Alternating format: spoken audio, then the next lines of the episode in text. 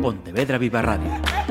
Cara a cara. Damas y caballeros, la Asociación de Directores de Informativos de Radio y Televisión da la bienvenida. Uxía Vázquez, eh, socia voluntaria da Coordinadora para o Estudo dos Mamíferos eh, Mariños.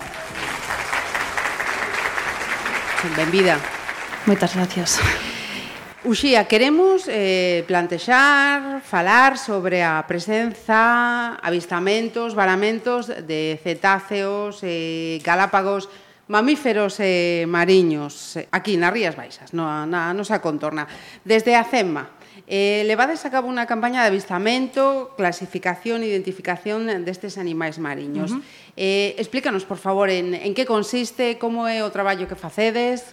Bueno, basicamente a idea é eh, poder facer unha monitorización destes animais, eh, sobre todo levamos a cabo sobre cetáceos, eh, fora das rías, porque dentro das rías xa se están levando unhas campañas de fotoidentificación, é dicir, que temos aletas de arroaces no? identificadas, cada un co seu nome, e os temos máis ou menos controlados, teñen máis de 500 fotografías de exemplares pois na Ría de Pontevedra, na Ría de Arousa, na Ría de Vigo. E ahora mesmo están levando un na Ría de Vigo, Turgasur, entón como nos falta ese, esa parte de sair fora das rías, ir á mm. plataforma que hai fora de aquí, non? Porque, ao fin e ao cabo, dentro das rías podémolo ver pois dende costa, non fai falta usar un barco. Entón, como nos faltaba como decía, esa parte de poder salir fora, eh, plantexábamos estas saídas pois para que xente, calquera que queira vir a axudarnos a avistar, a mirar, eh, tomar os datos eh, destes animais, pois que poida aportar, claro, uh -huh. axudarnos económicamente, no? a hora de poder salir, Facer, claro, poder eh, uh -huh. pagar o barco, E ademais eles tamén pois disfrutarían eh de como desa experiencia, da experiencia de ver os animales. E ademais eh pois tamén un pouco a experiencia de saber que é ese traballo que nos facemos. Evidentemente, Ajá nin moito menos se ser biólogos por un día. claro, pero bueno, polo menos eh, ensinamos a como tomamos nosos datos, hai datos pois mm, meteorolóxicos ou ben da profundidade que temos, unha serie de datos que por método tomamos, non? a parte dos, do propio avistamento. Ajá. Entón, a hora de facer o avistamento, eh, nos evidentemente, decimos que animal estamos vendo, eh, o seu comportamento. Ás veces levamos incluso osos a bordo ¿no? para dar unha pequena charla de como Ajá. é esa anatomía, o que uh -huh. sei, dentes, por uh -huh. exemplo. Pois estos son dentes dun golfiño común ou dun arroaz ou pois para dar tamén máis información, dar a coñecer estas especies que vémolas de lonxe, son moi bonitas, e tal, pero realmente hai un descoñecemento tremendo uh -huh. do que son. Entón, pois, aproveitamos esa axuda pois para saber que, que hai fora das rías. Ajá. Porque, eh, entón, que, que especies son as que habitualmente eh, viven nestas augas? Eh, registradas en Galicia hai 23 especies que parecen moitas, non, respecto que nos estamos vendo diariamente. Ajá. Dentro desas 23 especies, eh, as que máis habituales son o arroaz, uh -huh. evidentemente, dentro das rías todos os temos visto, eh, o golfiño común, a toniña, que en castelán ven sendo marsopa. Ajá. Eh, ás veces ese nome pues, non se coñece sí. como tal. Eh, despois tamén estarían os caldeiróns comuns, os arroaces boto, eh, tamén baleas. Baleas comuns, baleas alibrancas, e moi excepcionalmente, como se ven vendo esta semana pasada, as baleas, o gran balea azul, uh -huh. ou tamén orcas e, e golfiños eh, riscados. Ah. Ja. Ben, eh, non dixeches a palabra tiburón. Oh. No. Eh, as quenllas sí que viven aquí, Ajá. pero xa na plataforma. Todas Ajá, estas quenllas que vale, estamos vendo vale. pois son crías que veñen a aprender a cazar ás costas, Fala, realmente. Fa, falaremos entón. Uh -huh. Mira, eh, entón, eh, 23 as habituais, de, decías. Eh, cales son os seus hábitos? Están aquí todo o ano? é normal que estén tan pretiño da, da costa, eh, achéganse na, na busca de alimento, eh, achéganse en solitario, en manada, co, como é isto? Eh, Todo isto, claro. que non é pouco. Sí, sí, hai, hai moito que, que falar aí. Eh, dentro de todas estas 23 especies temos eh, algunhas que sí que viven en augas da costa de Galicia. Eh, os arroaces viven uh -huh. dentro das rías. Entón, evidentemente son os que máis podemos ver.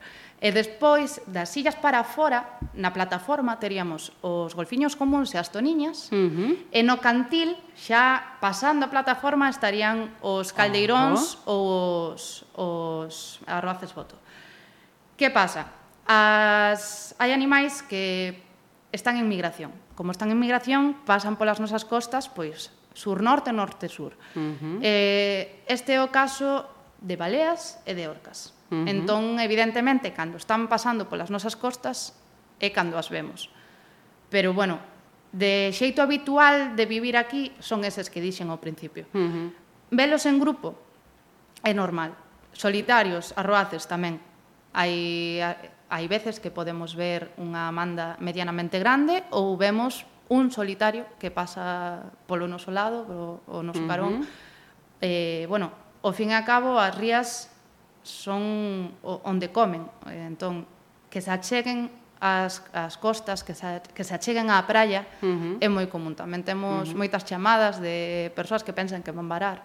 E, ao final, se son arroaces, poden estar cazando perfectamente, controlan perfectamente eh, uh -huh. as distancias, a altura da, uh -huh. do mar, poden estar a moi pouca profundidade. Como os vimos este verán aquí pretiño do, sí. do ponte da ponte do, do Burgo mesmo. Sí, exacto. Ajá. Entón, eles están a súa bola comendo e non hai risco eh, nestes casos en concreto Ajá. de que varen.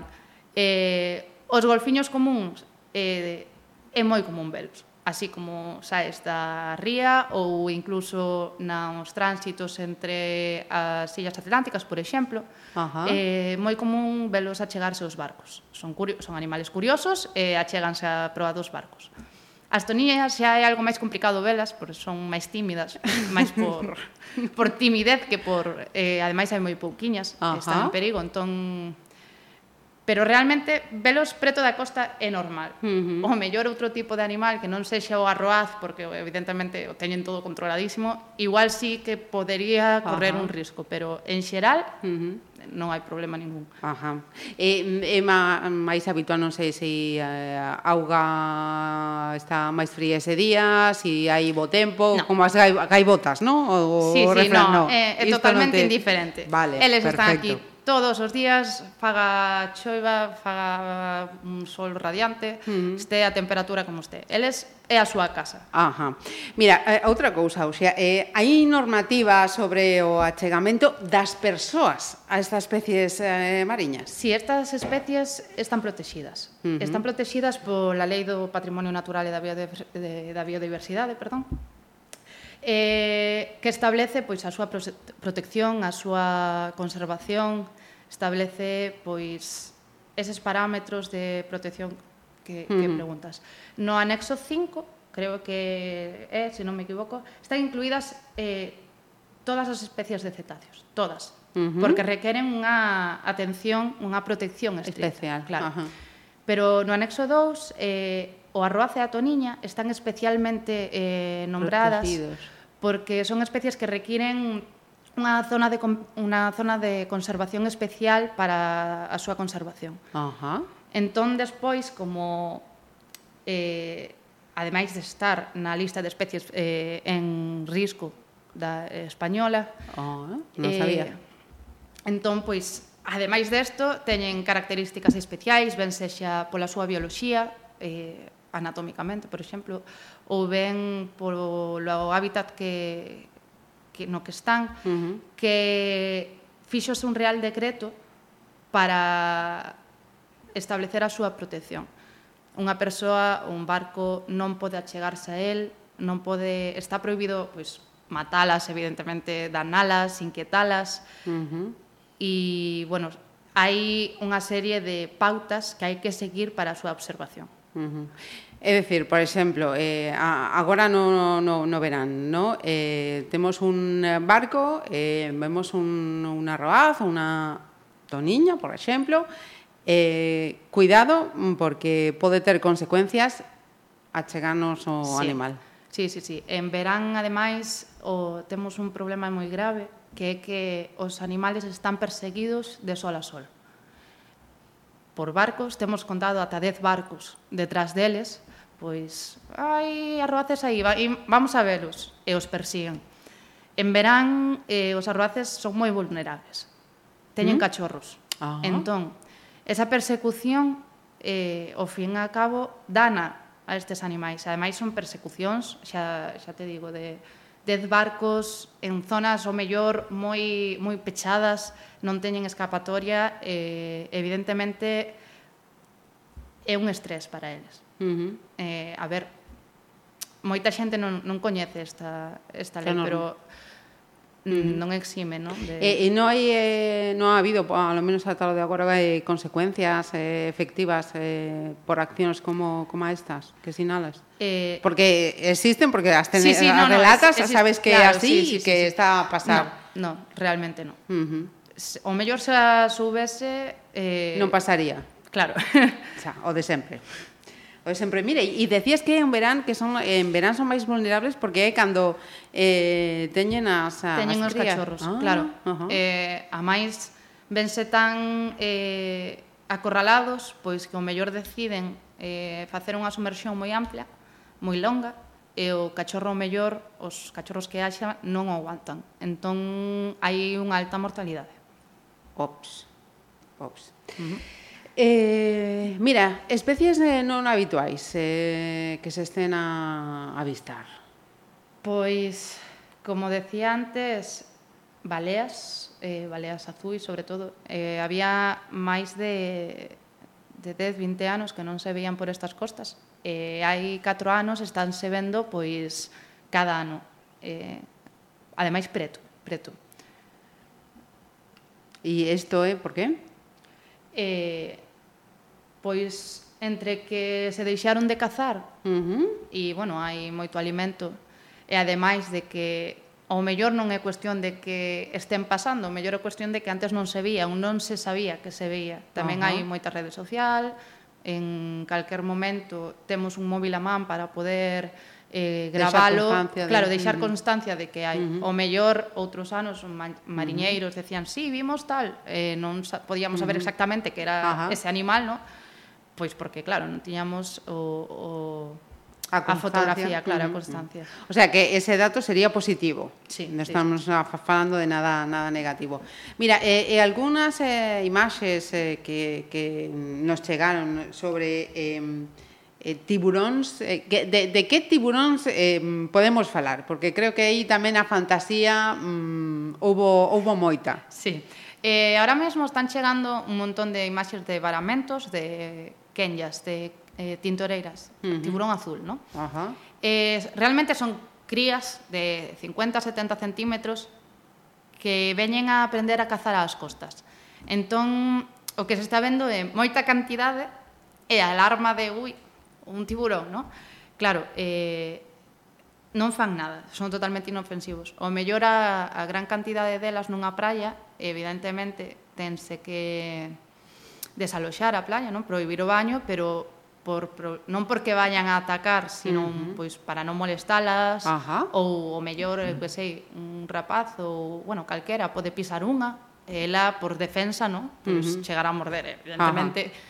Non queremos eso nin para unha nin para outra. Nin para outra. Claro, entón está ese rollo de hai moita quenlla, eh? hai pouco que se están vendo, pero elas viven na plataforma. Uh -huh. Outra cousa que se estén achegando máis pois para eso, para aprender a cazar ou Ajá.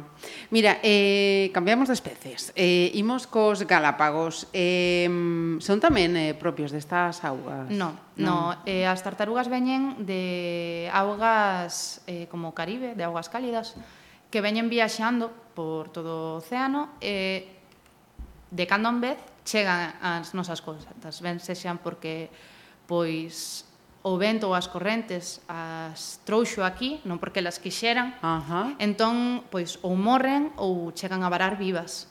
E nestes casos hai que recuperalas e o verán seguinte, cando a temperatura é suficiente da auga suficientemente alta para uh -huh. que elas poidan vivir, e pois soltaríanse. Ajá. Dende a, a CEMA tedes eh, tartarugas agora mesmo conservadas? No, agora mesmo. No. Tivemos, tivemos. Pero... Ajá. Sí que hubo, lamentablemente, un caso eh, dun exemplar eh, morto, uh -huh. recuperado pola, pola CEMA, con plásticos no, no estómago. Tamén estas augas atlánticas entón piden un SOS o respecto dos, dos es, plásticos. Sí que hai moitos plásticos, pero Nesta, neste caso, era unha tartaruga de coiro, era unha femia xoven, que era 175 kilos que pesaba, morreu en Cabo Home eh, atrapada nunhas nasas por captura accidental. Ajá. Sí que se atoparon plásticos nubes no estómago, pero non foi a causa directa da morte. Uh -huh, en moitos sí, casos sí, sí. Eh, non a é, uh -huh. pero evidentemente atopamos plásticos en, en toda a cadea trófica. Eh, eh, hai constancia de que, de que os hai. Uh eh, -huh un SOS sí que o está pedindo non está evidentemente en niveles de outras zonas do mundo, uh -huh. pero sí que o está pedindo. Ainos uh -huh. e, uh -huh. e va a máis. Mira, eh, en algún momento desta charla eh, falamos da temperatura da, da auga. Dende a CEMA podedes eh, constatar eh, que a temperatura da auga nas Rías Baixas está a subir sobre o que se considera habitual e, e que consecuencias ten isto?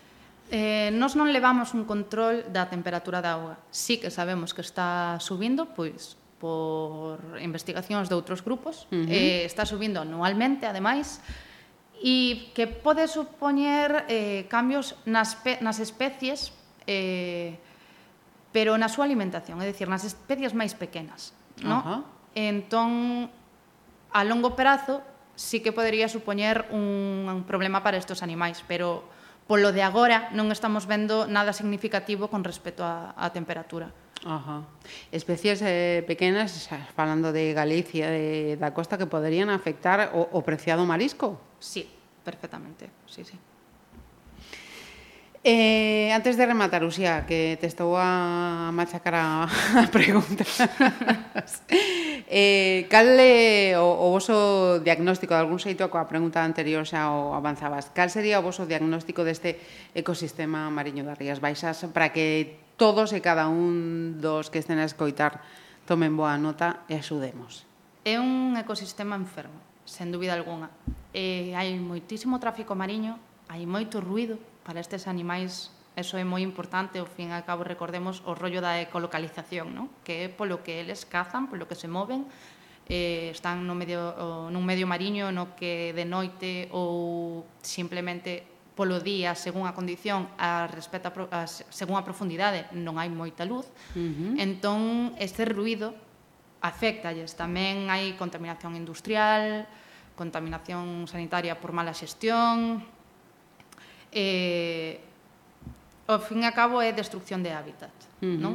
Eh, hai que corregir determinadas, pois como estaba dicindo, mala xestión de determinadas cousas para que isto polo menos non creza. Se non uh -huh. se non disminúe, polo menos que non vaya, que non vaya máis, máis, claro. Uh -huh.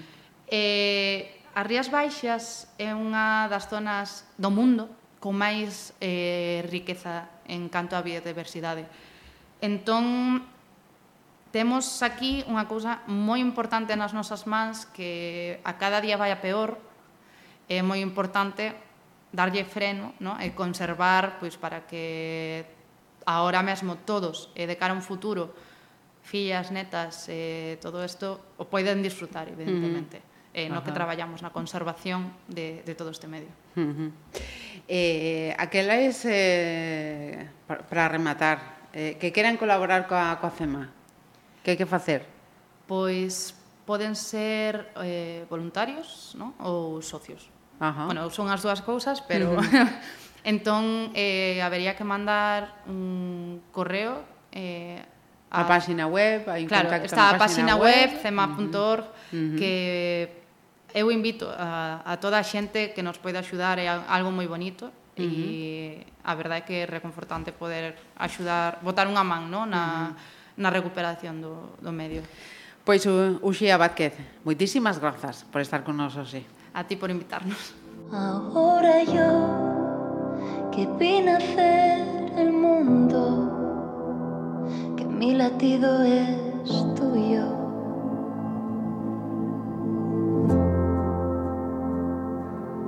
Ahora yo que abrazo tus recuerdos callo tus secretos, siento terror, no comprendo porque escupes veneno, me dejas sin aliento, me quemas todo.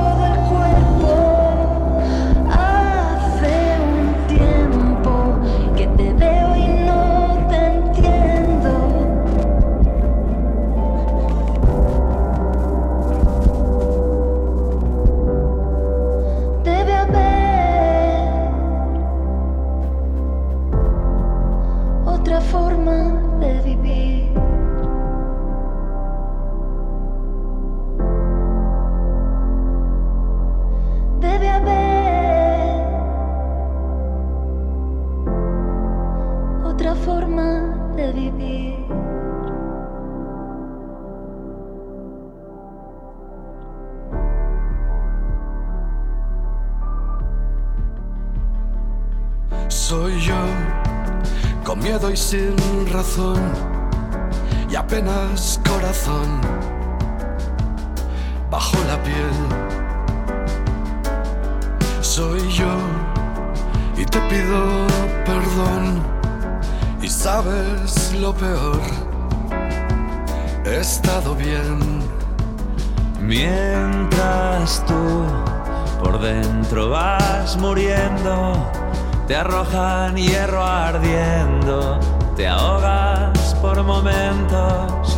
Hace un tiempo que me veo y no me entiendo, me escucho y no me creo. Mm, debe haber otra forma de vivir.